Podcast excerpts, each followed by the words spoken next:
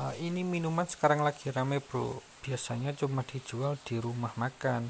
Sekarang banyak penjual minuman ini sepanjang jalan di dekat rumah. Harga Rp5.000 dan satu porsi dua jeruk yang diperas. Tadi kebetulan tukang sayur langganan lagi bawa ini jeruk sekilonya 10.000 murah bisa jadi 5 porsi es jeruk peras bikin sendiri tentu lebih bersih dan enak yaitu pertama banyak dua buah jeruk peras, 1 sendok makan gula pasir, 3 sendok makan air panas, dan secukupnya es batu. Langkahnya, larutkan gula bersama air panas, kemudian belah dua jeruk dan diperas.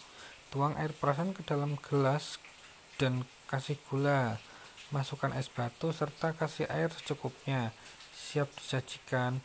Uh, seger diminum di cuaca panas seperti ini, bro. Oke, terima kasih. Semoga minuman ini membantu kalian sedang kepanasan ya see you